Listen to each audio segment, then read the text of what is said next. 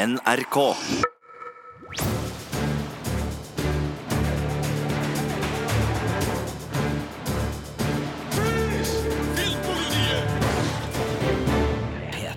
Det er en ære og glede å ønske deg hjertelig velkommen til en ny podkast fra oss i Filmpolitiet. Vi er som vanlig Birger Vestmo. Marte Hedenstad. Og Sigurd Vik. Vi har blant annet sett den ferske live action-filmen Mowgli. Du skal få høre hva vi syns om Andy Serkis sin versjon, og hvordan den står seg sammenligna med de andre filmatiseringene av Jungelboken, og spesielt da Disney-versjonen fra 2016. Ja, og Robin Hood er jo en annen klassiker som både Disney og en hel haug med andre har laga filmversjoner av. Og til helga så er det premiere på den nyeste kinovarianten, som du har sett, eh, Birger. Ja. Nemlig eh, Taron Egerton som Robin Hood, eh, som da skal ta oss med på, på nye eventyr i Sjøvollskogen. Ja, og så har vi til slutt et eh, strømmetips som du kan kvesse runestaven eh, til. Eh, Vikings er nemlig en av HBO Nordic sine mest populære serier, egentlig bare slått av Game of Thrones. Og denne uka så er de tilbake med nye episoder, og du skal få høre hvorfor den serien er verdt å sjekke ut.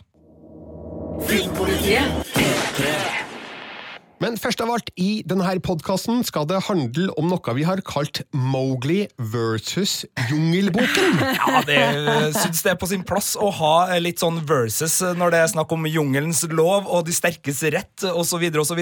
Trenger vi sånn fight-lyd også? Ja, Det hadde vært veldig fint om du kunne ha gått inn i eh, det der biblioteket som Street Fighter og andre spill er, og, og henta ut litt lyd der. Nei. Men det er jo sånn at av og til så har eh, gode filmskapere den samme ideen cirka samtidig. Altså Eksemplene er mange. Armageddon, Deep Impact. Eh, Ants og A Bug's Life. Og For et par år siden så jobba jo både Bølgen-regissør Roar Uthaug, eh, Trolljegeren-regissør André Øvredal og Kon-Tiki-regissør Espen Sandberg, alle tre på hver sin film om uh, Amundsen. Nå var det Espen Sandberg som vant det uh, kappløpet, så Amundsen kommer på kino neste år. Men altså, det er tydelig at det her er jo et fenomen. Kalles vel ofte tvillingfilmer, sånne her ting, gjør ikke det, Birger? Ja, det, det gjør det, og det er jo hvert eneste år flere eksempler på det. Bare senest nå det her året så har vi for eksempel sett eh, to Christopher Robin-filmer på kino. Ja, og så For noen år tilbake så var det jo den der Snow White and the Huntsman, samtidig som en annen Snøhvit-film, Mirror, Mirror on the Wall eller noe sånt, nå kom også. Det er Ofte så kommer det parvis, det er veldig rart. Ja, Og nå er det altså Mowgli som har um, premiere på Netflix eh, 7. desember, og uh, nå har vi ikke hatt en uh, annen Mowgli-film nå i år, men det er bare to år siden forrige versjon. Ja, og de var vel egentlig tiltenkt å komme ut ganske samtidig. Eh, Jeg tror, hvis vi skal stole på Wikipedia, så var det Andy Serkis med sin Mowgli-film som var først ute med å annonsere at den skulle bli laga, eller i hvert fall eh, så var eh, Warner Brothers tror jeg det var, som var ute og annonserte den filmen. Eh, Og rett etter så kom da Disney og sa vi skal lage en live action-film av ja. Jungelboken, og så gjorde de det litt eh, Ja. Disney kom først ut, og det er vel litt av årsaken til at Warner Brothers, som produserte Mowgli, bestemte seg for å jobbe mer på effektene, som de eh, kaller det. Eh, eventuelt skape litt eh, avstand til Disney-versjonen før de ga ut sin egen jungelbokfilm. Og så endte jo da det hele opp med at de solgte Sulamitten til Netflix, som da kjører den ut på sin plattform eh, 7. desember. Og eh, ja, eh, sånn sett så kan man si at Andy Serkis har tapt. Ja, på sett og vis, men han har fremdeles et stjernelag som gjorde oss veldig nysgjerrige. For at eh, der Idris Elba og Scarlett Johansson var de store stjernene i Eller noen av de store stjernene i The Jungle Book, så er jo liksom Benedict Cumberbatch og Christian Bale store stjerner som er med i den her, så vi var jo veldig spent, og det har gjort at vi alle tre nå har sørga for at vi har fått sett Mowgli. Sånn at vi kan eh, gi en dom over den, eh, og så kan vi eventuelt etterpå diskutere litt om den eh, står seg ved siden av The Jungle Book, eller om det kanskje bare burde ha vært én av dem.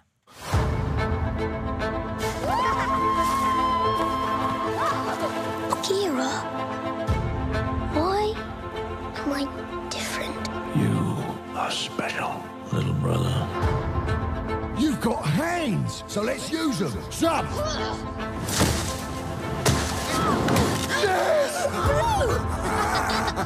Out my way! I shouldn't let them pick on you like that. Wolf's supposed to be with other wolves. He's not a wolf. I've seen the way you look at the village. Mowgli, You are one of them. Ja, Mowgli er altså da basert på forfatter Rudyard Kiplings eh, historier fra The Jungle Book og The Second Jungle Book fra henholdsvis 1894 og 1895. Så det her er virkelig klassiske figurer i en eh, eh, klassisk eh, historiesamling som mange har et eh, forhold til. Men vi skal vel innrømme at vårt sterkeste forhold til Kipling og Jungelboken eh, er gjennom Disney, ikke sant? Ja, absolutt. Altså, Disneys tegnefilm, herregud, hvor mange ganger har jeg sett den? Aner ikke. Jeg har også den, og så hadde jeg den her lydboka som sier bing når du skal øh, bla Du over til mener neste vel side. bring? Ja, det var, det var riktig. Eh, Men jeg, jeg hadde også en barneversjon av den Kipling-boka, så jeg ble glad når jeg så Mowgli nå, for der var det eh, deler av historier som Disney ikke har tatt med, som jeg huska fra barndommen min, sånn biter av. Så, så det er jo en litt annen historie vi får her. Ja, for eh, manusforfatter Callie Cloves, som er datter av produsenten Steve Cloves, hun har vel da, etter det jeg forstår, tilnærma seg Rudyard Kiplings eh, historier i langt større grad enn det vi kjenner fra Disney-versjonene, både den animerte og den live action-versjonen som kom for eh, to år siden. Eh, hun har da forkasta alt av humor og musikk fra Disney-versjonene, så her er det ikke noe sånn bare necessities i det hele tatt. Eh, og eh, tonen er mørkere, den er mer alvorlig og seriøs, og det skal visst Kiplings eh, historie òg ha vært. Så sånn sett så kan vi si at denne filmversjonen er en mer sann versjon da i forhold til råmaterialet enn det Disney-filmene var. Ja, og har også mer mennesker i seg, og også flere lag med mennesker. For det her er jo fra en tid da India var underlagt eh, det britiske imperiet, og det er jo også et lag i historia her som, som kommer inn eh, på, på sett og vis. Så det er en bredere og mørkere eh, historie, kan ikke vi si det, Birger? Ja, det kan vi absolutt si at det er. For de som ikke kjenner historien, så kan vi jo bare komme hovedtrekkene her. Vi befinner oss altså i India, i jungelen, et sted på slutten av 1800-tallet, vil jeg anta, der eh, et menneskebarn blir funnet av dyr i jungelen. Eh, Det er da Mowgli, som eh, spilles av Rohan Shand, som vokser opp da i jungelen sammen med dyra, blir oppdratt av en ulveflokk under ledelse av Akila, og ikke minst en panter ved navn Bagheera, en bjørn som heter Baloo, og en skummel slange som heter Ka, er òg inne i bildet her. Men den store, stygge ulven skulle jeg si, i jungelen er, er ikke en ulv, det er, det er en tiger, Shere Khan, som drepte foreldrene til Mowgli, og som nå er ute etter eh, Mowgli sjøl. Men Mowgli beskyttes av dyra, eh, men det skjer etter hvert ting som gjør at eh, Mowgli settes i fare. og han må rett og slett eh, søke tilflukt blant menneskene som bor i en landsby i nærheten. Eh, Et møte som ikke skal bli så enkelt, og vi trenger vel kanskje ikke å si mer enn det. Nei, vi kan jo legge til at uh, det her også er en film som tematiserer konflikten mellom menneskene og jungelen veldig uh, tydelig, og her er Shere Khan, da, uh, som jeg kaller den, jeg vet ikke, du, det er en litt annen uttale i filmen. Ja, de, de, de, hvordan sånn, Veldig sånn britisk uttale. Hva er det de sier? Sh- Shere Khan, Shere Khan. Ja, noe, noe sånt. Vi sier Shere Khan. Ja, det Shere sier vi. Khan. Uh, men i hvert fall uh, Shere Khan. Shere Khan er da både fienden i jungelen, men også fienden til mennesker, for han driver og dreper disse hellige kuene, uh, som menneskene da ikke ønsker at skal bli drept. i det hele tatt. Så, så konflikten mellom menneskets invasjon av jungelen blir også på en måte knytta opp mot den ene skurkesida. Nå sier jeg kanskje for mye, det er kanskje for spoilete her, men det er vel en historie. Nei, men altså, det er ganske helt, kjent historie. helt fair square og påpeke at eh, historien eh, viser jo den første kontakten mellom mennesker og, og dyr akkurat i dette området, og gir jo et bilde på eh, hvilken påvirkning menneskene har og har hatt i, i naturen. Eh, Det er jo også da tematikk her rundt å finne sin plass og finne en tilhørighet og en identitet, og det er jo en sånn type historie som aldri bli gammeldags. Eh, Nesten alle filmer handler jo på et eller annet vis om det, og her er det jo veldig klart og tydelig, da, i og med at eh, Mowgli eh, slett ikke er en ulv, men prøver å være det. Og er heller ikke helt menneske, sånn som menneskene ser Nei, på seg han står mellom to verdener og, og sliter med å finne ut hvem han er og hva han skal være. Så det er en utfordring som kanskje er fremmed sånn sett for, for de fleste av oss. Eh, Er man eh, menneske eller dyr? Men eh, man kan absolutt identifisere seg med identitetskampen da, som eh, Mowgli har. Um, det er jo sånn at i live action-filmer, og dem har vi fått en del av i det siste, spesielt fordi at Disney har drevet og kjørt på med sine, så eh, er det eh, stor oppmerksomhet rundt utseendet på eh, dyreskikkelser. Altså Mennesker spiller jo mennesker i de her filmene, men det er jo en del som lages da i spesialeffektland. Og Andy Serkis har jo vært mannen med stor M når det gjelder det her, eh, fra Gollum-tida, hvor han starta med motion capture-teknologi, eller ikke, altså hvor han virkelig gjorde Han var helt eh, i startgropa Ja.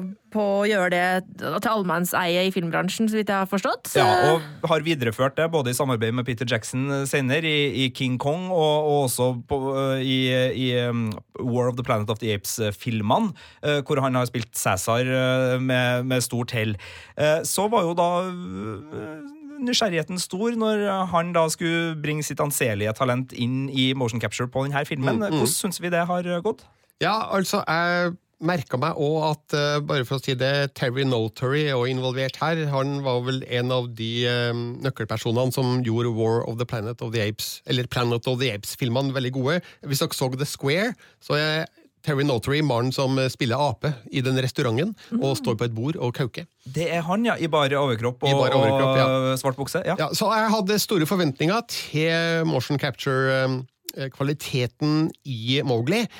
Og så skal det sies, som jeg også skriver i anmeldelsen min, at eh, jeg må ta forbehold her, fordi det her er da en Netflix-film, og vi har sett filmen på en eh, streaminglenke som Netflix har sendt oss, og den har ikke like god billedkvalitet som eh, filmen vil ha når vi ser, ser den på Netflix sin eh, offentlige strømmeplattform. Derfor er det faktisk litt vanskelig å eh, bedømme kvaliteten på animasjonen her, fordi bildet er ikke så høyoppløst som eh, vi er vant til, og derfor så er det nesten litt umulig å, å si noe bastant om kvaliteten, men eh, det ser Tja. litt phony ut, eller hva, Marte? Ja, altså Med forbehold eh, om det du sier der, Birger, så syns jeg at det så skikkelig dritt ut. Sorry, bare rett ut. Jeg syns at eh, figurene så så merkelig ut i ansiktene sine. Eh, både spesielt på øynene, eh, og også måten de bevegde munnen på. Og bare sånn helt i starten, når Bagheera kommer gående for første gang. altså Potene er ikke troverdig i forhold til hvordan ekte kattepoter faktisk fungerer. Og det var noe som de klarte veldig fint i Disney. Altså, at det, at, altså hva, hva heter det? Altså um, uh, Anatomien virker å være feil. Eh, og Ja, Men det, det er jo bare litt sånn gangsterlimp, eh, altså, som Shere Khan Shere Khan Nei, ikke. Shere Khan, jeg snakker om potene til Bagheera. Oh, altså, de begerer Ja, seg merkelig. Shere Khan sånn- har jo han har en sånn limp. Ja, Den syns jeg var litt kul. Men eh, altså, eh, også sånn, Shere Khan ser ut som eh, en sånn dame som har operert seg i trynet litt for mange ganger og fått sånn skeive øyer og så sminka på seg helt vilt mye sminke, sånn kattekvinneaktig. Så jeg, altså, jeg ble så satt ut av hvor dårlig jeg syns dyra så ut, at jeg klarte ikke å leve meg inn i historien nesten i det hele tatt. Nei, det er ille da, Marte.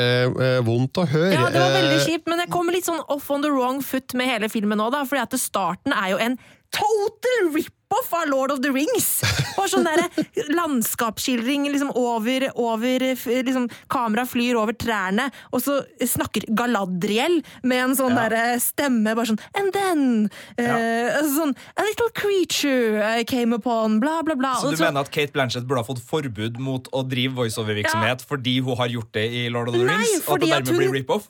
til og med det hun sier, er jo veldig likt som i Lord of the Rings. Og der er Ja, eh, Andy. Serkis eh, bomma. Vet ikke om Lord of the Rings var først ut nødvendigvis med det grepet heller, da. Nei, men det er, bare, det er bare akkurat det hun sier. En sånn, en, en, ok, jeg kan lese det. Ja, bare sånn Ok, uh, bare jeg leser et lite utdrag. And then, one fateful night, I saw the jungle place its Det er akkurat det her som ligner veldig mye. Place its hopes into the hands of a small creature. Gollum, Gollum.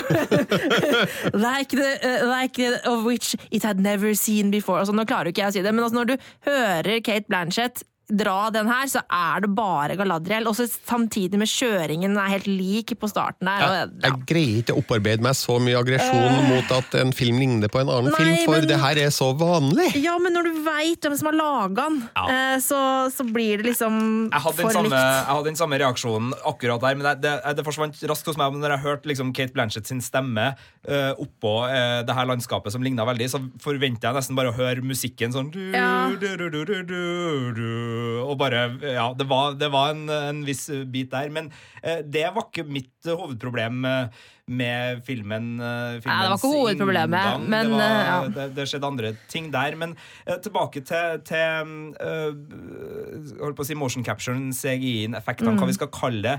Uh, det er uh, Det er en sånn merkelig greie, fordi de øh, selvfølgelig så, så kan man gjøre hva man vil når det er på film, men det virker jo som de går for en slags realisme Mm. som bommer. Eh, og i tillegg så tar de seg så store friheter med en del av dyrene, spesielt hva, at en eh, realismebiten bare forsvinner. Så eh, det inntrykket jeg satt igjen med, eh, og misforstå meg rett her, for det var ikke stygt, men det var at de bare har prøvd å gjøre det grittier og styggere. Altså Elefantene er fulle av mose og helt sånn nedprøvd og balu. Det prøvde jeg for så vidt å google. Vokser mose på elefanter? Jeg fant ikke ut av det. Okay, men du gjorde det? Ja.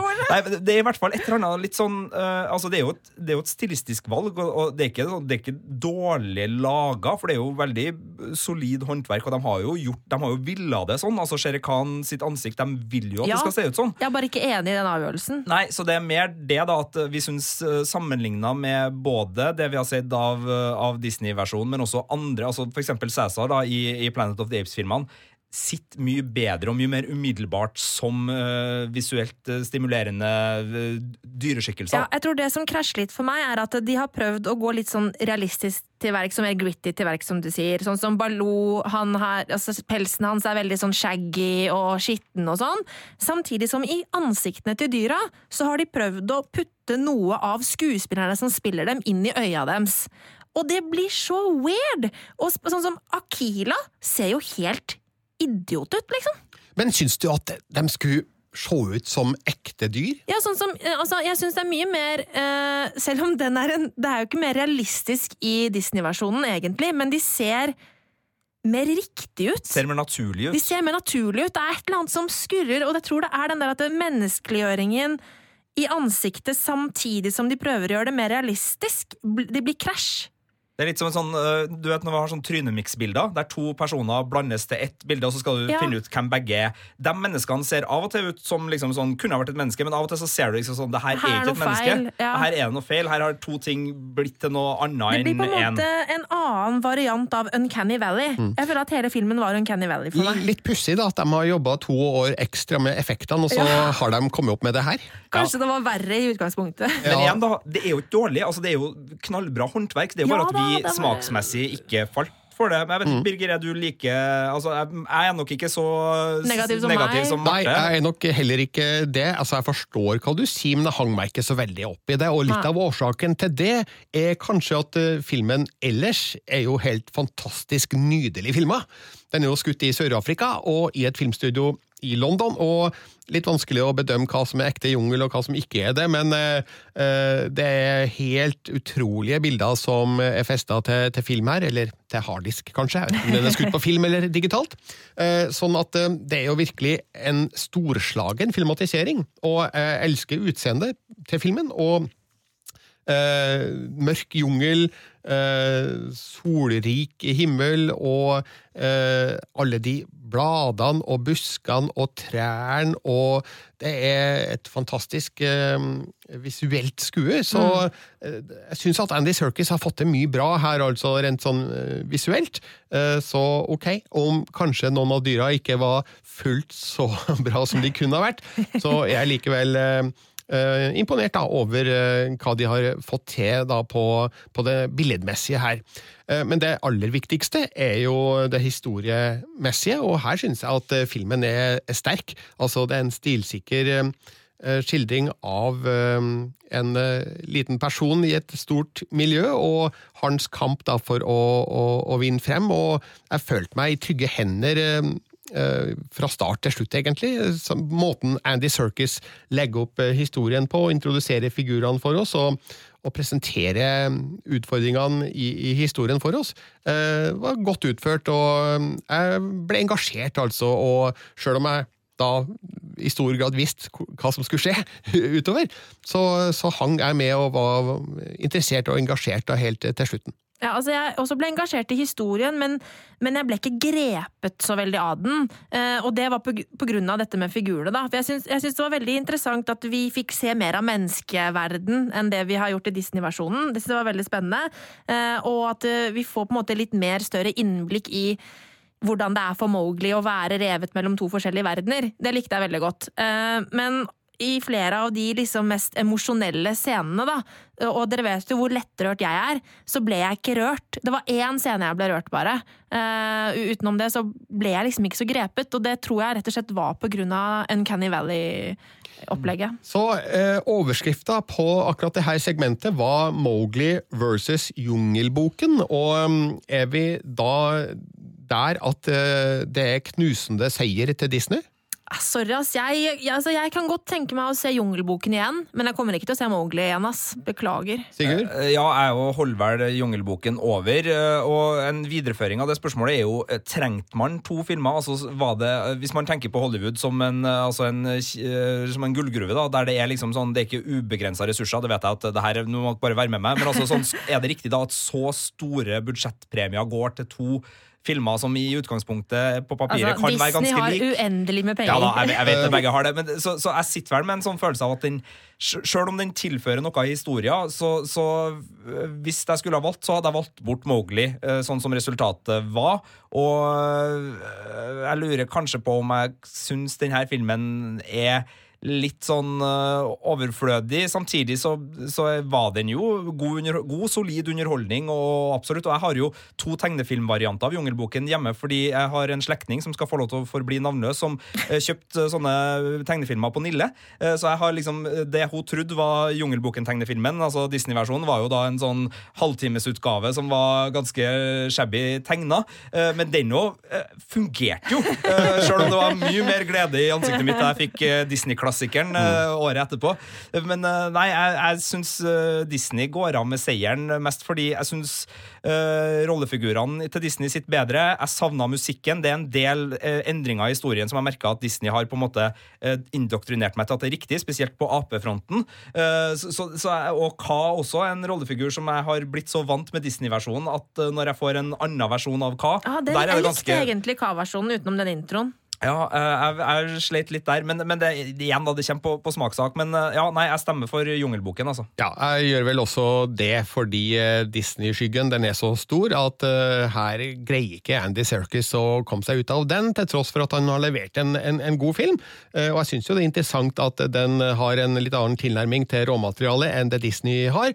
Men uh, Disney er såpass sterke, og den forrige versjonen var så god. Jeg syns den var bedre enn en den her, så sånn sett så kan man jo si at Mowgli er unødvendig. Men klart, sitter man i sofaen og trenger et eller annet å se på, så det er helt i orden å klikke på Mowgli og bruke et par timer på den. Da sier vi at eh, slaget er tapt for Andy Serkis, selv om vi liker han veldig godt. Eh, men vi må videre i vår podkast.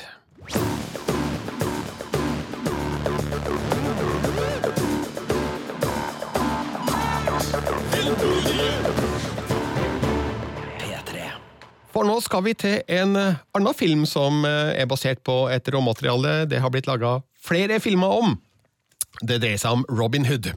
Hvor spennende syns dere det er med Robin Hood i 2018, Sigurd og Marte? Eh, altså, vi kan jo stille det samme spørsmålet igjen. Trenger vi en til Robin Hood? Ja, er- altså, her er det i hvert fall eh, tydeligere hva som er årsaken til at den lages. Altså, man har, eh, det er en actionhistorie. Man har unge actionskuespillere som er kulere enn eh, Russell Crowe anno 2018. Eh, Så hvorfor ikke gjenfortelle historier med folk som unge kinogjengere kan relatere seg til? Hvorfor ikke? Det er altså, det, et svar på det er jo at det er bare åtte år siden den forrige Robin Hood-filmen eh, kom, i regi av min favoritt Ridley Scott, eh, som jo da etter min mening diskvalifiserer enhver, eh, ethvert nytt forsøk da, på å lage en, en film av det her. Men, for jeg likte jo Ridley Scotts Robin Hood veldig godt, men jeg er fullt klar over at ikke alle var like begeistra for den, og kanskje heller foretrekker Kevin Costner eh, fra 1991. Oh. Eller Disney. Eller Disney igjen her. Så vi, vi har en liten diskusjon foran oss eh, her nå, men la oss først eh, ta for oss den aller nyeste Robin Hood. We've done it. We've done it. The cardinal is coming all the way from Rome. The sheriff is throwing him a party.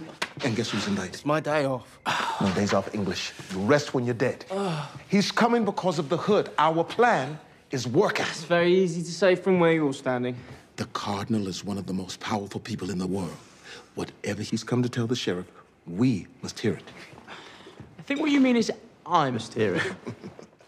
Her hørte vi Taron Egerton, kjent eh, fra spesielt da Kingsman-filmene, eh, som Robin Hood, og vi hørte Jamie Fox i rollen som hans eh, medhjelper John. Eh, Det er jo en kjent eh, del av britisk eh, folklore, det her, om opprøreren som stjeler fra de rike og gir til de fattige, og som bekjemper den onde sheriffen i Nottingham. Sånn sett så beveger filmen seg ikke langt unna det vi har sett før, men den har nok satsa litt mer på kjapp action og masse pil- og bueskyting. Altså, her eh, kjøres eh, pilene ut som eh, mitraljøser, sånn maskingevær. Altså, jeg må bare Hjernen min eksploderte nå eh, når du sa at, eh, at eh, det er Little John som er Jamie Foxx sin rolle. For jeg, jeg trodde jo at han da spilte Asim! Hva har skjedd med Seam fra The Prince of Thieves? Som var Morgan Freeman sin fantastiske rollefigur. Ja, altså, nå spiller jo Jamie Fox egentlig en versjon av Asim eh, her, da. eh, Faktisk med litt av de samme ansiktsfregnene som eh, Morgan Freeman hadde i Prince of Thieves, så det er mulig de har gjort en liten miks der. Kanskje de har bare satt, slått sammen de to rollefigurene til én i denne varianten, kanskje? Det kan godt hende. Jeg husker ikke hvem som var John i Prince of Thieves. jeg. Uh, nei, det var Nick Brimble. Nick Brimble, ja. Eh, Så de har nok kanskje tatt seg noen friheter her. Eh, Kort om historien. Eh, Robin av Loxley, eh, spilt av Taron Egerton, eh, sendes på korstog eh, i Midtøsten, altså dagens Midtøsten. Het vel ikke det den gangen. Eh, når han kommer tilbake, så har hans kjære Marion, spilt av Eve Hewson, dattera til Bono i U2 for øvrig. Eh, hun har gått videre i livet i den tro at eh, Robin er død.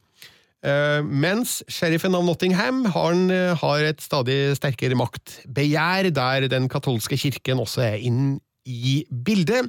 Og Robin av Loxley han finner ut at eh, det her må han gjøre noe med. Eh, sheriffen må stoppes, og han får hjelp til det av eh, John, spilt av Jamie Fox, som ikke heter John egentlig. Han har et arabisk navn som jeg ikke husker i farta, men som da kan oversettes til John på engelsk. Det er sånn det forklares. For han følger da med fra korstoget og hjem til England fordi eh, Robin av Roxley redda hans liv, så han står da i gjeld. Og så spilles sheriffen av Nottingham av Ben Mendelssohn, som eh, gjør nøyaktig det samme i denne filmen som i Rogue One, der han spilte Orson Krennic. Det er mer eller mindre den samme figuren. Altså, det er det jeg lurer på. Har jeg noen gang sett Ben Mendelssohn spille en good guy? Jeg kan ikke komme på det. Jeg, jeg tror ikke du har det. Han, han har flere lag i Bloodline-serien som ligger på, Ah, på Netflix. stemmer, Men han spiller jo egentlig Ja. den slemme familien sorte får der også, men der har det. man litt sympati for hvorfor han har blitt sånn, i hvert fall. Ja. Det vet ikke jeg om sheriffen i Nottingham klarer å, å iverksette i, i følelsesregisteret vårt. Nei, altså, Det er noe her som indikerer at eh, sheriffen har vært utsatt for noe i barndommen. eh, som har med katolske prester å gjøre. Oi, oi, Kremt, oi. kremt. Som også forklarer litt av eh, den makta kirka har over sheriffen, og hvorfor han går med på å gjøre det han gjør, nesten på befaling da fra, fra Roma. Oi. Så eh, ja, nei, men det skal dere få oppleve ja. sjøl. Taron Egerton er jo en sjarmerende fyr. Han er ung, sprek, frisk, eh, morsom.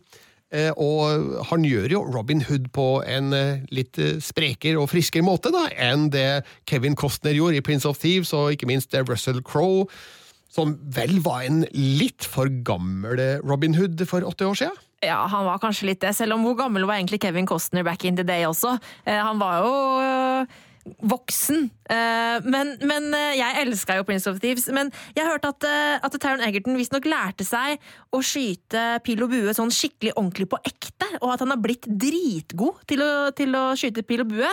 Og da blir jeg sånn automatisk imponert. Ja, men eh, det kan du få meg til å tro, for eh, er det noe filmen har på stell, så er det pil- og bueskytinga.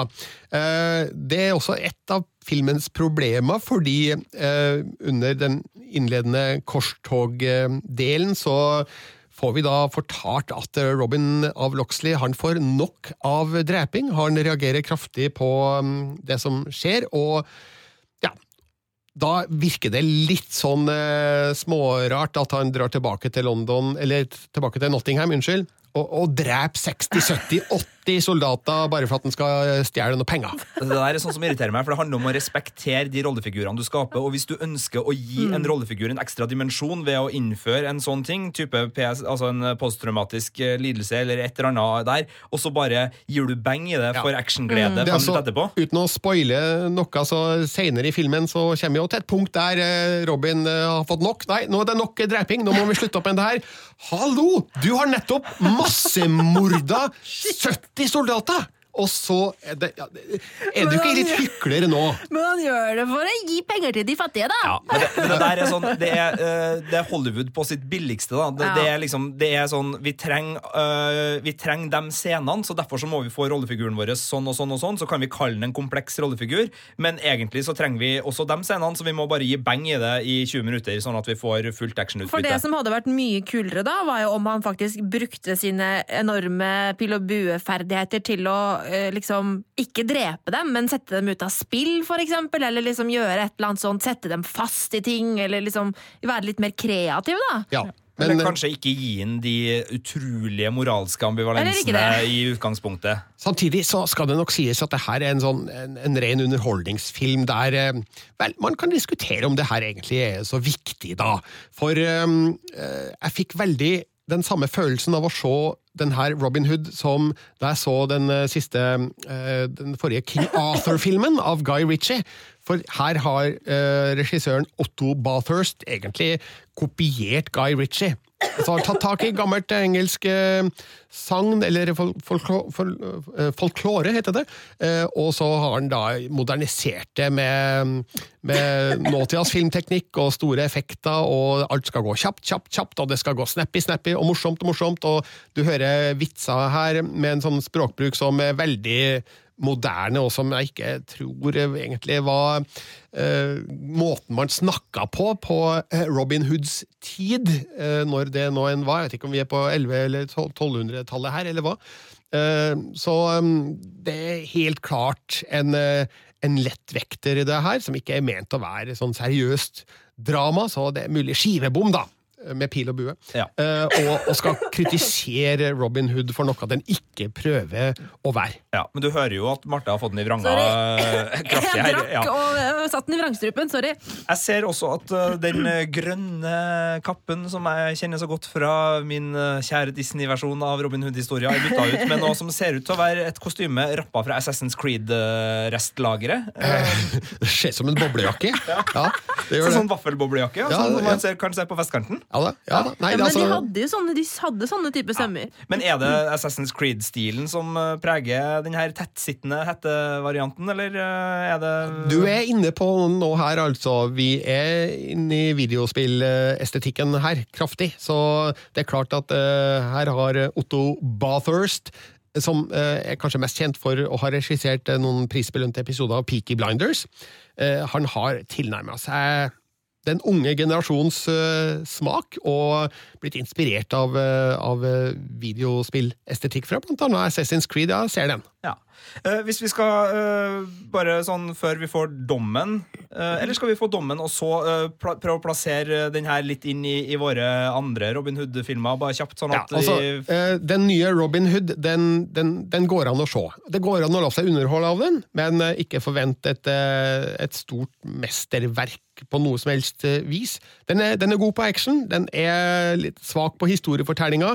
Eh, altså, eh, Marion er jo helt usynlig eh, her. Eh, kjærlighetsforholdet mellom Robin Hood og Marion det er veikt og kjedelig, og ja, det gir meg ingenting. Og også det her vennskapet mellom Robin Hood og John, spilt av Jamie Fox, eh, det, det, det fører ingen steds, og Jamie Fox har vel sjelden spilt en så kjedelig rolle som han har i, i Robin Hood. Så det her er en film som treffer på noe, og den bommer på en hel del, så det er veldig midt på treet og terningkast tre.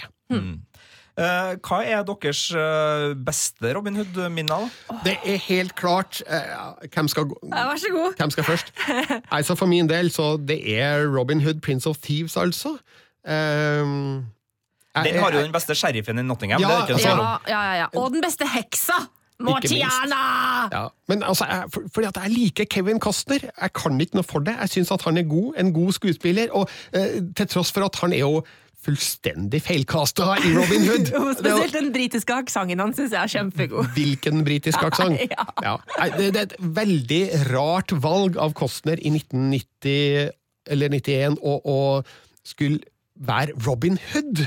Altså, Han var jo kjent eh, allerede for eh, en del gode filmer som Untouchables og eh, JFK. og så og, Danser med ulver, ikke minst. Og så skulle han plutselig da være Robin Hood. Det var et litt ja, uventa valg på den tida, og man kan jo si at uh, det ser rart ut, og det høres rart ut, men, men filmen er jo morsom! Ja, altså, den, kom, den kom vel i 1991. Jeg tipper jeg så den i sånn 92 eller noe sånt nå. Da var jeg syv år. Og jeg var dritforelska i Kevin Costner. Og det var favorittfilmen min kjempelenge. Og herregud, for en kul film! Den har jo alt! Eh, Og Morgan Freeman er jo helt fantastisk som Azeem, Og, og Alan Rickman Altså, I'm gonna carve your heart out with a spoon! Altså, det er, det er jo så bra! And you can call off Christmas! Jeg er helt enig. Jeg endte jo opp med å kjøpe Bryan Adams' uh, 'Waking Up The Neighborhood'-kassetten, fordi den inneholdt uh, tittel, uh, altså singelen Ja. uh, 'Everything I Do'. Å, I do it for you Og den musikkvideoen også, Det er vel noe av det lengste sånn filmbaserte musikkvideo. Ganske sånn seig, treg musikkvideo, men uh, Og så hadde, en fantastiske Mary Elizabeth Mastantonio i rollen som Marion, som Ja. jeg forelska meg i eh, to år før, da hun spilte i James Cameron-filmen The Abyss. Og så, hvor har det blitt av hun? Ja, hvor har hun blitt av? Det lurer jeg på akkurat nå, kjenner jeg. To år etter 'Helter i strømpebukse'. Likte dere Den er kjempemorsom! Og det er jo en ren parodi på denne varianten av, av Robin Hood. Jeg husker jeg syntes det var hilarious. Elska det. Men da, i, i denne Robin Hood Prince of Thieves-filmen så eh, er det jo mer den klassiske Robin Hood som er ute i skauen og, eh, og, og er litt sånn gentlemans-raner, på, en- på en måte. eh, som er en helt annen Hood enn det Taron Egerton eh, spiller nå.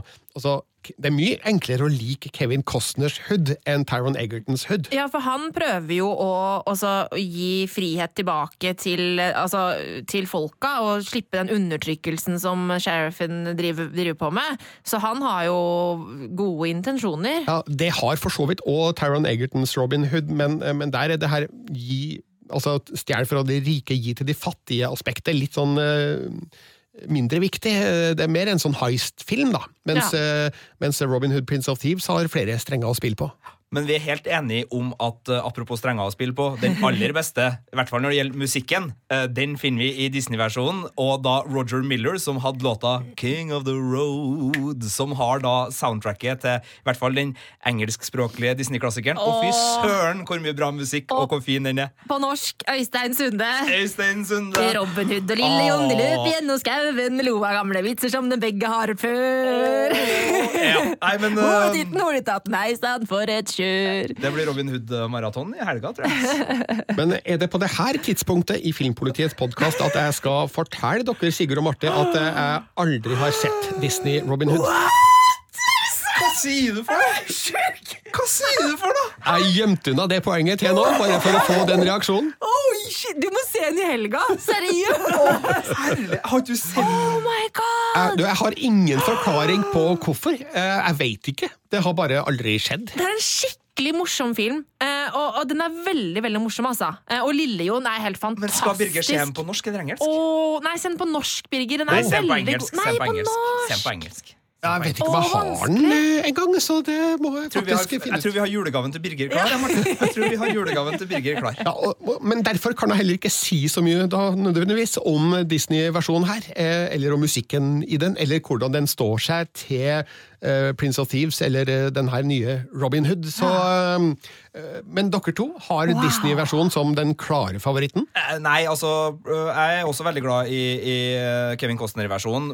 Og de er såpass, i såpass forskjellige verdener at begge funker. For i motsetning til da Jungelboken, som er i live action-variant, og Disney-versjonen er ganske lik fra, fra Disney begge to, så er jo tonen og mørket og actionpreget veldig ulikt i, i Disney og Kevin Costner-drakt. Så, Ja. så selv om de kom inn i livet mitt sånn cirka samtidig, øh, så er de begge på hver sin side veldig gode filmer. Enig.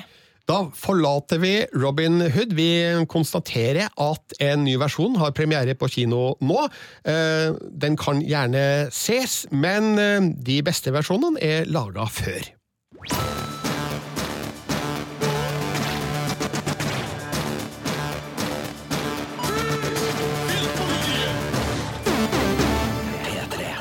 Og til slutt i Filmpolitiets podkast et realt strømmetips, og da skal vi til en av HBO Nordics aller mest populære serier. Det skal vi. Der er nemlig Game of Thrones helt på topp. Men som regel på de listene som slippes ut over hvem som ser seriene deres mest, så havner Vikings ofte på andreplass.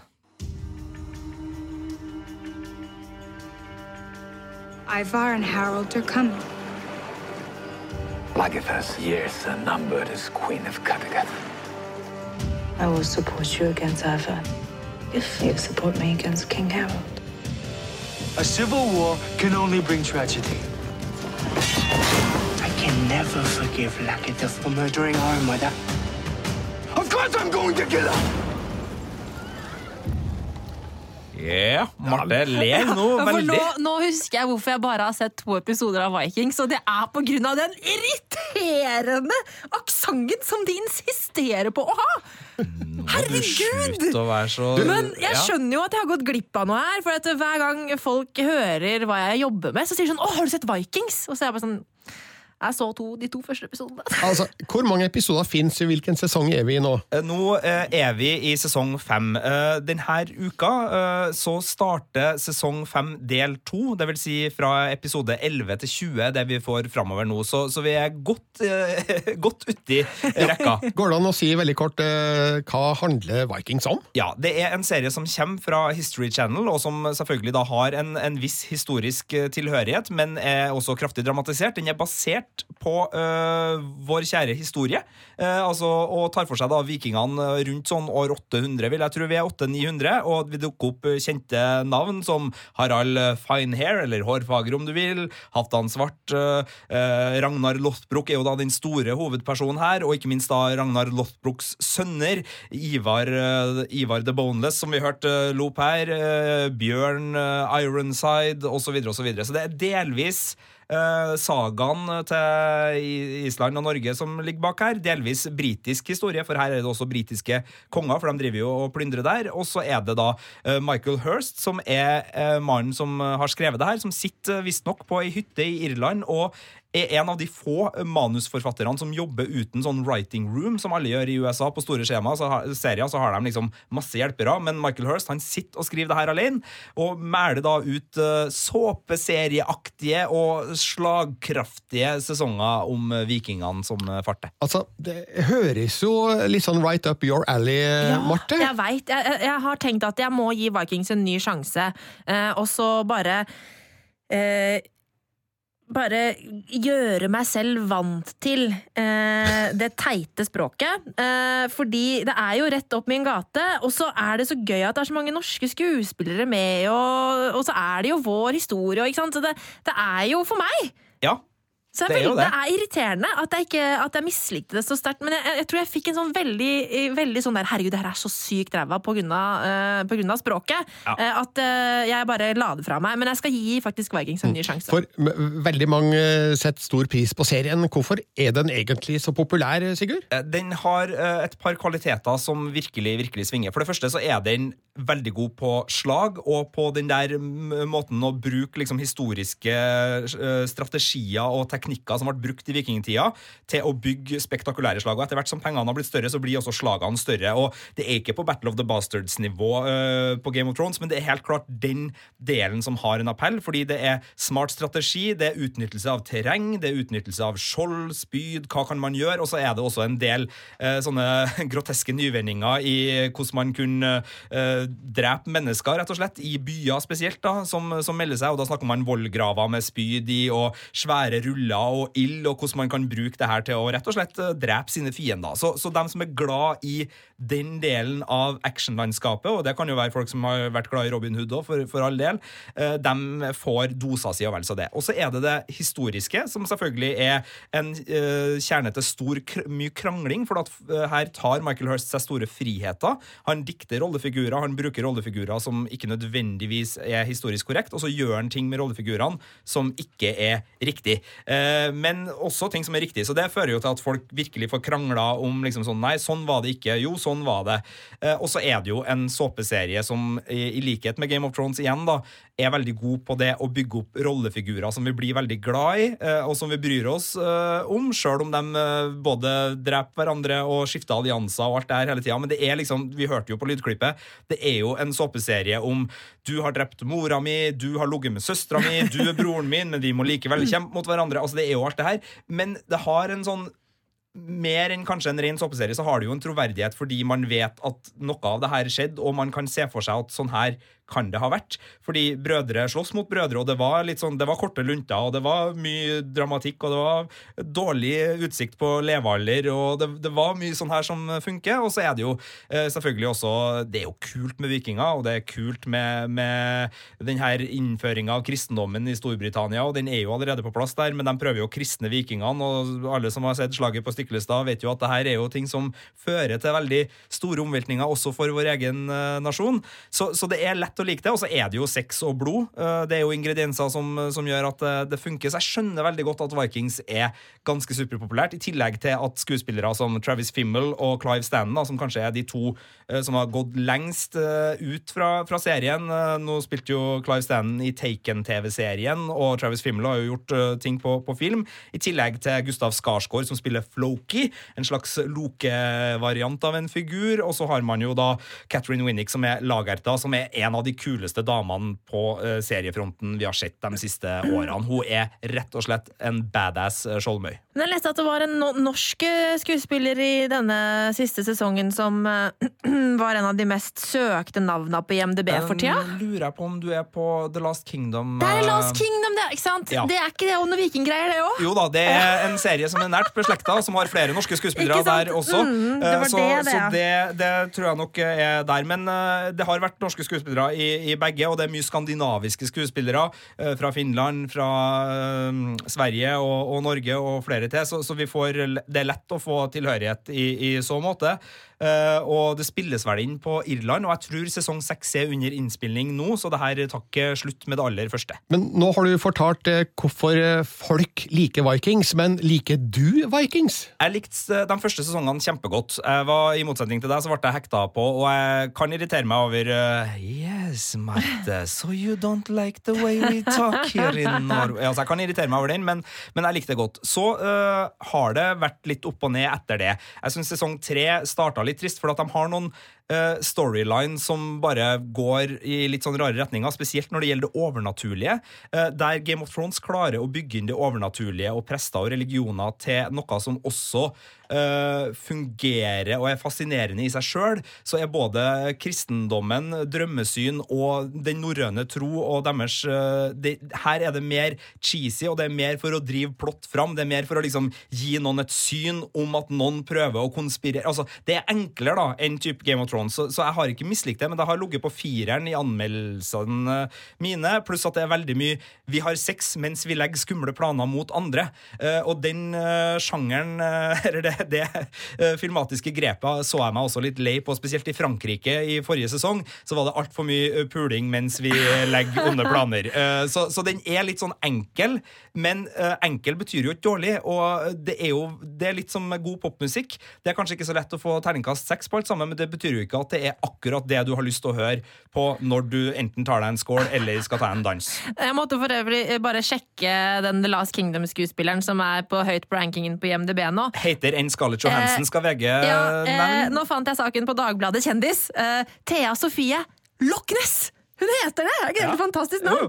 Og en glimrende skuespillerinne, så, så, og, og vel fortjent. Men uh, vi skal snakke om The Last Kingdom, kan vi snakke om en annen gang. Yes, for der sorry, kommer sorry, sesong tre snart, eh, og den er beslekta. Uh, men, men Vikings eh, eh, Ja. Men sånn til meg da, hvis jeg skal begynne på en vikingserie nå, da. Skal Ja. jeg begynne på Vikings, eller skal jeg begynne på The Last Kingdom? Jeg ville ha begynt på Vikings. Okay. Eh, men begge fungerer godt, altså. Eh, men eh, din Altså, hvis du lar deg irritere over sånne ting som språk og litt sånn corny såpeseriedetaljer, så vil du jo bli eh, eitrende sint underveis.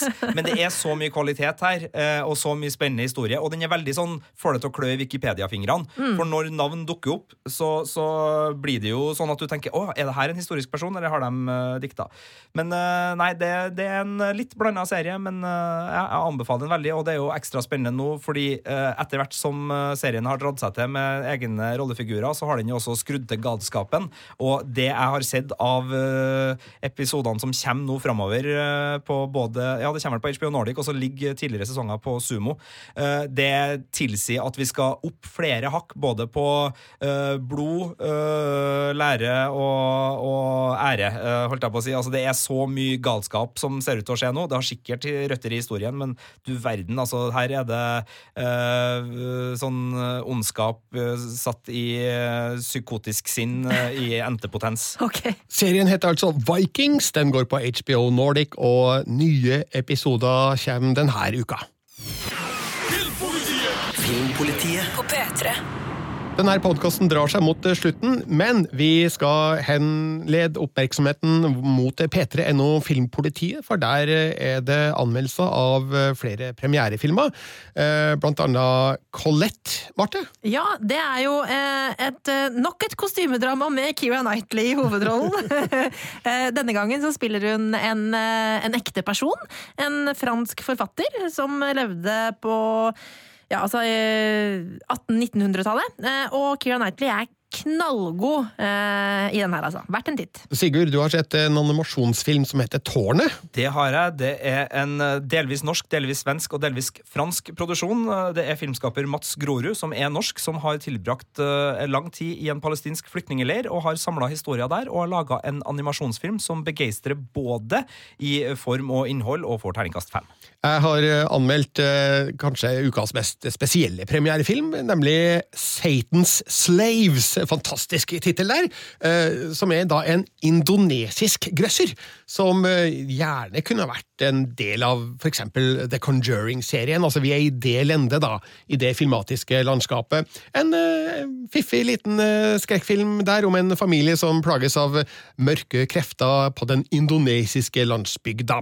Ikke like skremmende hele veien, men eh, god nok til en, en firer på, på terningen. Eh, Det finner du altså fulle anmeldelser av på p3.no Filmpolitiet. Eh, Vi er tilbake om en ukes tid, og da skal vi anmelde blant annet Creed 2, der Sylvester Stallone og Dolph Lundgren gjenforenes etter eh, Rocky 4, som kom vel i 1984, var det ikke det? Ja. mm. Jeg husker bare hvor bra den var. Jeg husker ikke når den kom. Nei, men nå er det jo sønnen til Apollo Creed og sønnen til Ivan Drago som skal møtes til match i Creed 2. Og så er det en um, film som heter Mortal Engines, som vi har uh, gleda oss uh, til, fra um, produsent Peter Jackson. Hvem nå enn det er. Det blir litt kjent, det Ja, navnet. med Hugo Weaving i en av hovedrollene. Hvem nå enn det er. Eh, og så skal vi også ta en titt på den nye animasjonsfilmen Maja og hekseblomsten, som er Studio Ghibli-relatert, Marte. Ja, Studio Ponok er det som har laga den, og det er et studio som ble starta opp eh, av en gjeng som eh, slutta i Ghibli da Miyazaki pensjonerte seg. Få se Totoro-tatoveringa di. Ja, Da må jeg kle av meg. Nei, det skal du ikke gjøre. Fysj, det skal du ikke gjøre. Og så nevner jeg også den danske julefilmen Den tiden på året, i regi av Paprika Steen, som også spiller en av hovedrollene, som eh, kommer til riktig tid, da, sannsynligvis. Men alt det her kommer vi tilbake til om en ukes tid. Denne podkasten er over. Eh, Vi som var her i dag, Sigurd Vik. Marte Hedenstad. og Birger Vestmo. Gi oss gjerne en rating og en kommentar der du har funnet denne podkasten, så blir vi ekstra glade. Takk for oss.